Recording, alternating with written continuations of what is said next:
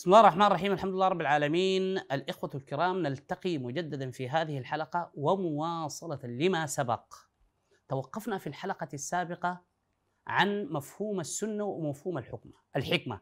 وختمنا بالسؤال لماذا نسبت كلمة سنة إلى الروايات النبوية بدلا من أن تنسب كلمة الحكمة؟ مع أن القرآن واضح في انتساب الحكمة إلى الرسول صلى الله عليه وسلم في كثير من الآيات. بعث في الامين رسولا منهم يتلو عليهم آياته ويعلمهم الكتاب والحكمة. نريد أن نعرف السبب وقد يكون السبب صادم.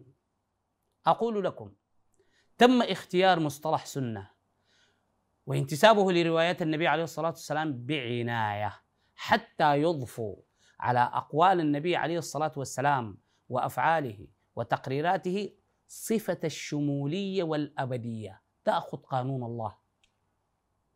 وهنا يكون قد جردوه من الجانب البشري وتلك هي الأذمة وتلك هي المشكلة الحقيقية. ولو أنهم تقيدوا بالمصطلح الوارد في القرآن وهو لفظ الحكمة لجاء من هو مثلي أو مثلك أو مثل غيرنا وقال أنا لدي حكمة أيضا. فكما أوتي النبي الحكمة أنا لدي حكمة. حتى لا يأتي مثل العدرقاوي ويقول أنا ربنا برضو أداني الحكمة وده حق من حقوقي تغافلوا عن مفهوم الحكمة وأبدلوه بمفهوم السنة التي نسبت في القرآن لله ثم نسبت إلى أقوال النبي عليه الصلاة والسلام. لأن الحكمة هي عطية من الله سبحانه وتعالى وليست حكرا على الأنبياء. أو على النبيين. قال تعالى في سورة لقمان يؤتي الحكمة من يشاء ومن يؤت الحكمة فقد أوتي خيرا كثيرا. أهو أنا عندي حكمة. المشكلة شنو يعني؟ أين الاعتراض والافتراض؟ أليس هذا حق؟ كفله لي القرآن الكريم يؤتي الحكمة من يشاء. ومن يؤت الحكمة فقد أوتي خيرا كثيرا. وأقول وأقولها لكم بصراحة تامة حتى لا تتفاجؤوا.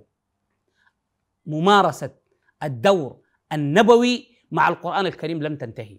الله سبحانه وتعالى ختم النبيين ولكنه لم يختم الأنبياء ودونكم كتاب الله. ما كان محمد أبا أحد من رجالكم ولكن رسول الله وخاتم النبيين. أين ختم الأنبياء هنا.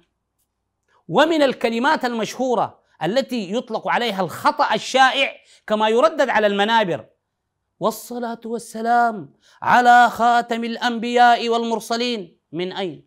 هذا كلام مغلوط. أين البرهان؟ قل هاتوا برهانكم إن كنتم صادقين. النبي ختم النبيين ولكنه لم يختم الأنبياء. ووفق القاعدة التي نعمل بها بنفي التطابق هنالك فرق بالضرورة بين مفهوم الأنبياء وبين مفهوم النبيين. وهذه تقع في قواعد التعامل مع النص تحت الجموع أو معاني الجموع المختلفة للمفرد الواحد. طبعا في اللغة العربية ما في معاني تترتب على اختلاف الجموع. بيقول لك ده جمع مذكر سالم ده جمع مؤنث ما عارف كيف وده جمع تكسير وده جمع شنو؟ كلام زي ده في القرآن. ما في حاجة ده تكسير وده مؤنث سالم. أين المعنى؟ أين الدلالة؟ القرآن الكريم استخدم جموع مختلفة للمفرد الواحد. كلمة شهر.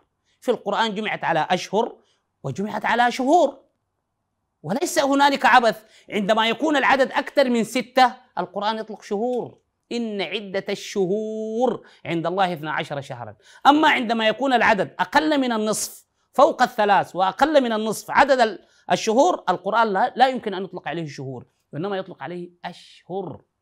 واللائي يئسن من المحيض من نسائكم إن ارتبتم في عدتهن ثلاثة أشهر. والذين يتوفون منكم ويذرون أزواجا يتربصن بأنفسهن أربعة أشهر. أشهر. إذا أشهر جمع قلة وشهور جمع كثرة والمفرد شهر.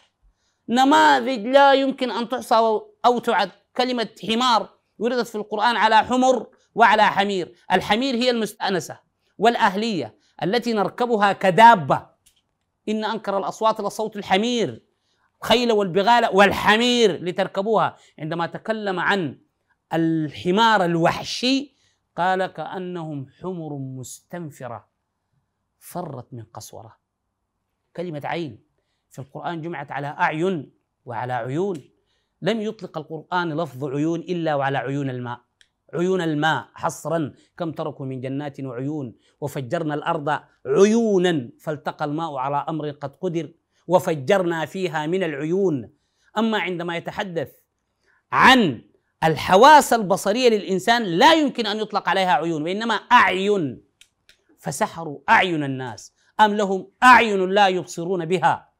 أم لهم أعين لا يبصرون بها ولا على الذين إذا ما أتوك لتحملهم قلت لا أجد ما أحملكم عليه تولوا وأعينهم تفيض من الدمع حزنا. أعين أعين أعين. إذا من الخطأ الشائع مستشفى مكة للعيون. خطأ غلط. دكتور محمود وحيد أخصائي العيون. غلط. ما في كلام زي ده يا جماعة. لما أنت تكتب دكتور فلان أخصائي العيون أنت بالنسبة لي أنا على حسب تحرير المصطلح أنت حفار بتاع بيار بتاع ارتوازي تعرفوا الارتوازي ما عندك علاقة بالحواس. فيجب أن يصحح الخطأ الآن إلى مستشفى الأعين التخصصي. دكتور فلان أخصائي الأعين. إذا هي الجموع المختلفة للمفرد الواحد ومنها نفس جمعت على نفوس وعلى أنفس. وهذا بحر خضم لا ساحل له ولو دخلنا قد لا نرجع. دعونا الآن فيما نحن فيه. إذا طالما أن الحكمة عطية من الله سبحانه وتعالى يؤتيها من يشاء لكي نعلم أن ممارسة الدور النبوي مع القرآن الكريم لم تنتهي. فكل من آتاه الله الحكمة يجب أن يمارس لن يكون نبيا ولكنه يمارس الدور النبوي. فيستقي الحكمة من كتاب الله سبحانه وتعالى والمضامين والمفاهيم ويقدمها لأصحاب الألسن الأعجمية كمفاهيم. هؤلاء أصحاب الألسن من الصينيين والأمريكان والألمان ليسوا مكلفين بالتعامل مع القرآن كنص. الذين يتعاملون مع القرآن كنص هم أصحاب القومية المشتركون في آلية الخطاب أنا وأنت وإنه لذكر لك ولقومك ولسوف تسألون. نحن الذين سنسأل. ويجب أن نقدمه لأصحاب الألسنة الأخرى كمضامين وكمفاهيم حتى يتواصل الحديث عن هذا المحور المهم والخطير. دعوني ألتقي بكم في الحلقة القادمة بحول الله وإذنه.